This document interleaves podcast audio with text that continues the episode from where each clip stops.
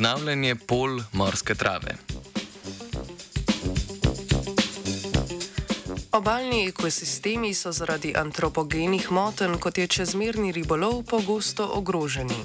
Pri tem lahko zmanjšanje populacije ene vrste vpliva na ravnovesje celotnega ekosistema, saj se porušijo medvrstni odnosi. V nedavno objavljenem znanstvenem članku je nizozemska raziskovalna skupina predstavila ključne dejavnike, ki jih je treba upoštevati pri obnavljanju obaljnih podvodnih travnikov prave morske trave, strokovno imenovane Zostera marina.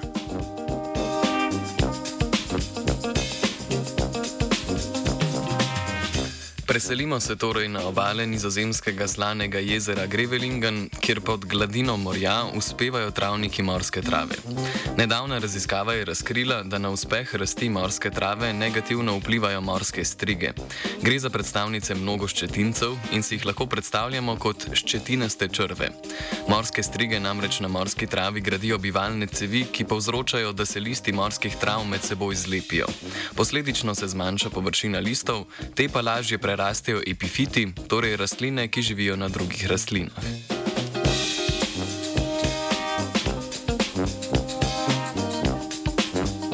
V tem medvrstnem prepletu pa ne nastopajo zgolj morske trave in morske strige. V zadnjem času so namreč v jezeru opazili tudi veliko zmanjšanje števila morskih polžev, kot so šilaste breženke, ki se prehranjujejo z epifiti na, na listih morskih trav.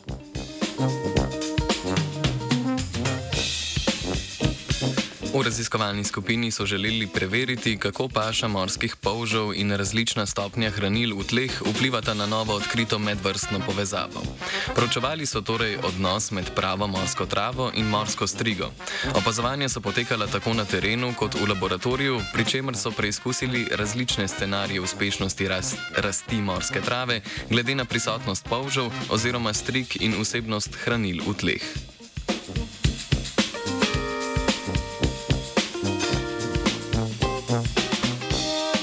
Rezultati z terena so pokazali, da imajo morske strige velik negativen vpliv na obnovo morskih trav, a je to mogoče uravnavati z dodajanjem polžev, ki z listne površine postrgajo epifite.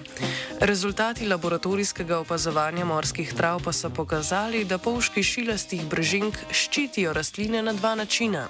Neposredno prek prehranjevalne verige, ko z listov strgajo epifite, ter posredno, ko s strganjem odstranjujejo tudi bivalne celke morskih strige strik, ki med seboj lepijo liste morskih trav.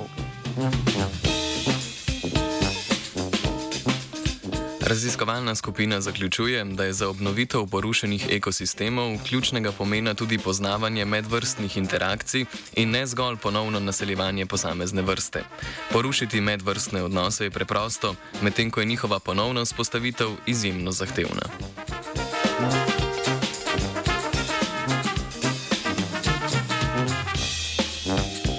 Med morsko travo in njenimi medvrstnimi povezavami je plaval Sebastian.